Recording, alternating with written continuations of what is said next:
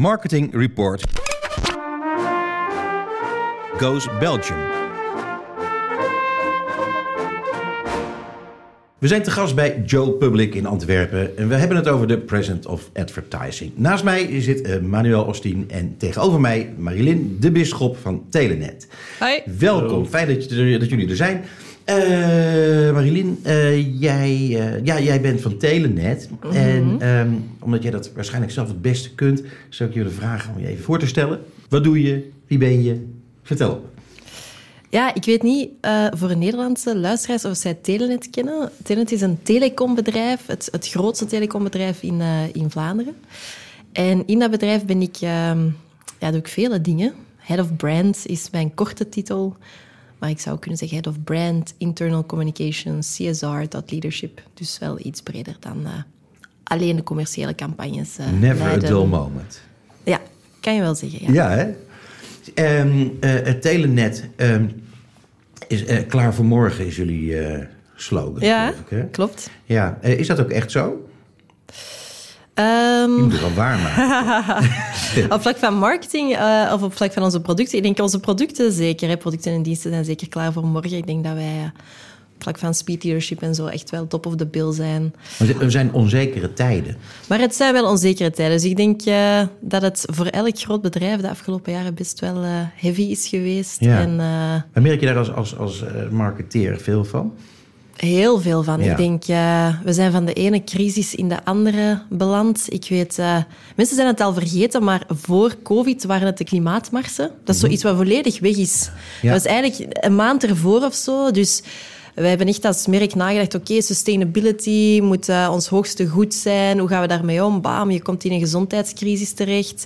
Alles werd plots collectief. We gingen elkaar helpen. We gingen applaudisseren voor iedereen. Het was een heel soort van common gevoel waar je als brand ook uh, op kon inzeggen. En dan socio-economische crisis was weer ieder voor zich. Uh, hoeveel kost het op het einde van de maand? Crisis is het nieuwe normaal ja, eigenlijk. Hè? Absoluut. Ja, inderdaad, absoluut. Ja. ja.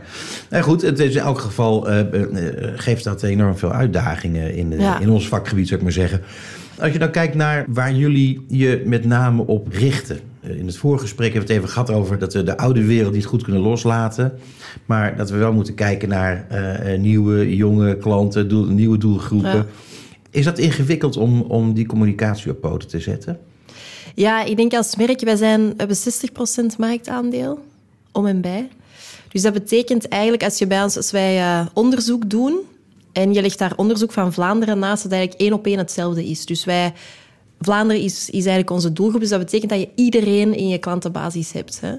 En dat gaat van heel jonge mensen tot uh, heel oude mensen. Iedereen mm -hmm. heeft internet nodig, uiteraard. Uh, dus dat betekent eigenlijk als merk dat je echt wel naar een twee-sporenbeleid bijna moet gaan. Je moet zorgen dat je die nieuwe Gen Z'ers... Uh, Gen Zalpha wordt soms zelfs al gezegd. Hè, dat is dan Z en Alpha samen. Moet embracen, maar tegelijkertijd kan je ook niet het geweer van schouder veranderen en eigenlijk die oudere doelgroepen eenmaal uit het oog verliezen. Dus voor ons best wel een challenge om te kijken van oké, okay, how we gonna catch them all. Ja, ja. Um, en, en... Zonder dat je vervreemdt van het merk. Omdat Absoluut. mensen natuurlijk een bepaalde gewenning hebben met het merk, de, de, de bestaande klanten. Dat lijkt me toch wel een uh, interessante uitdaging. Ja, en, en hoe kan je echt iets vinden dat heel inclusief is naar een heel grote groep van mensen? Hè? Want een merk is toch belangrijk. Allee, ik ben echt nog opgegroeid van consistentie, consistentie, consistentie. En ik denk dat dat vandaag de grootste uitdaging is van...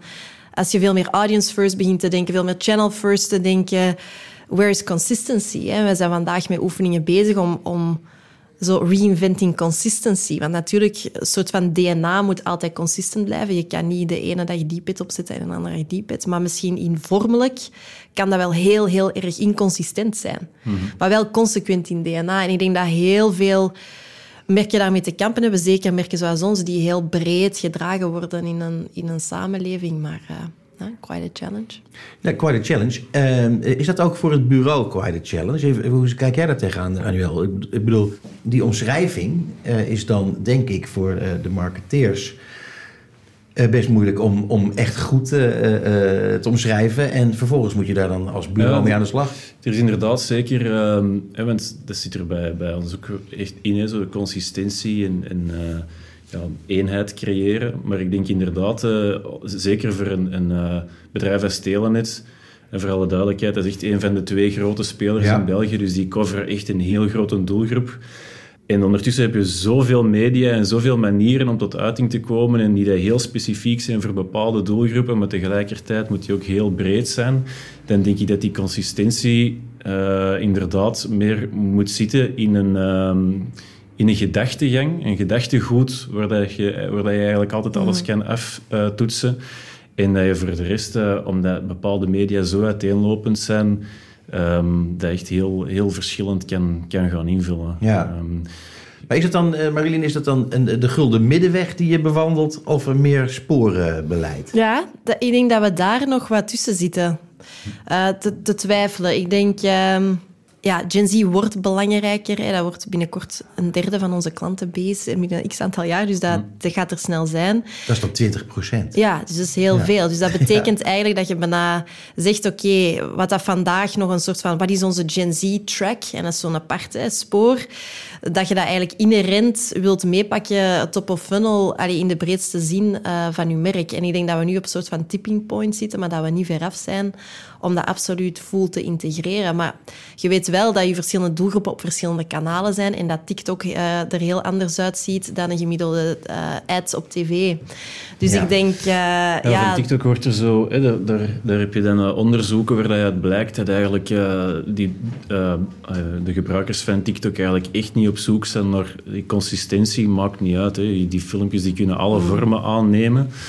Maar ja, tegelijkertijd, als je een communicatie doet, denk ik dat je dat ook niet 100% gewoon klakkeloos moet overnemen. Want er is natuurlijk... Er blijft natuurlijk, eh, om als merk te blijven hangen, op hetzelfde... allee, visueel of of qua boodschap op hetzelfde nageltje slaan, dat, ja, dat is ook wel echt een, een basistechniek die er denk ik altijd wel zal, eh, zal Ja. blijven bestaan.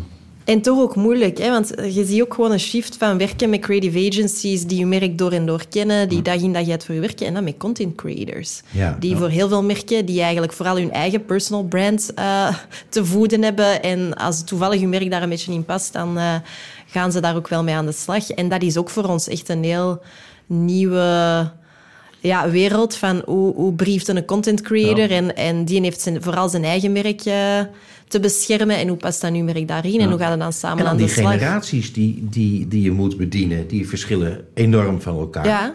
En dan heb je nog, als je kijkt naar, naar de diversiteit in de samenleving, ik denk dat daar ook nog wel een, eh, eh, wat interessants over te melden valt. Ja, ik denk dat, is- allee, ik denk dat ik twee eh, strategisch twee grote zware gewichten heb. Vorig jaar en ook dit jaar en de komende drie jaar. Dat is absoluut eh, How We're Gonna Catch Gen Z. Eh, en de, alle kanalen die daarbij horen. En het tweede is echt diversity, equity en inclusion. Ik denk dat we daar als sector een heel belangrijke rol te spelen hebben. Maar ehm, ja, ik denk dat dat... Ik was heel, heel enthousiast toen ik eraan begon. Ja. Ik dacht, oké, tien vuistregels, pushen dat in onze agencies en let's continue. Ondertussen zijn we een jaar verder en dan ben ik van een kale reis teruggekomen in Oh. die zin dat het, eh, het vraagt zoveel education. In eerste plaats van mezelf, maar van heel mijn team. Vooraleer dat je nog maar kunt denken aan implementatie in je processen, in je creatief werk. En eh, ik denk de uren dat ik podcasts heb geluisterd over dat topic. En dan eh, hebben we het over black communities, understanding them, gay communities, understanding them better. Het vraagt heel, heel veel. Je, eh, broadening your lens is zoiets wat dat wij dit jaar heel erg op gaan inzetten van overcoming your own unconscious bias. En welke biases heb je en hoe kun je aan die lensverbreding doen? Ja, daar ga ik een heel jaar aan wijden. En dan heb je het nog Ja. niet geïmplementeerd. Allee, ik hoop wel gaandeweg uiteraard dat we progress gaan maken. Maar eh, het is een heel langzaam, diepgaand proces. Ja, ik denk dat waar dat ook we... onmogelijk is om te doen zonder eh, vallen en opstaan. Ja. Denk dat is, denk Maar speelt het bureau hier ook een rol in, in dit, eh, in dit onderwerp? Ja, het is eigenlijk dezelfde gedachte, dezelfde problematiek dat wij altijd in ons achterhoofd moeten houden natuurlijk. Hè. Ja. En ehm, ja, dat is, een kwestie, dat is echt ehm, ja, met vallen en opstaan. En je kunt er zoveel mogelijk proberen ehm, rekening mee te houden en alles over te weten. Maar eh, ja, ondertussen...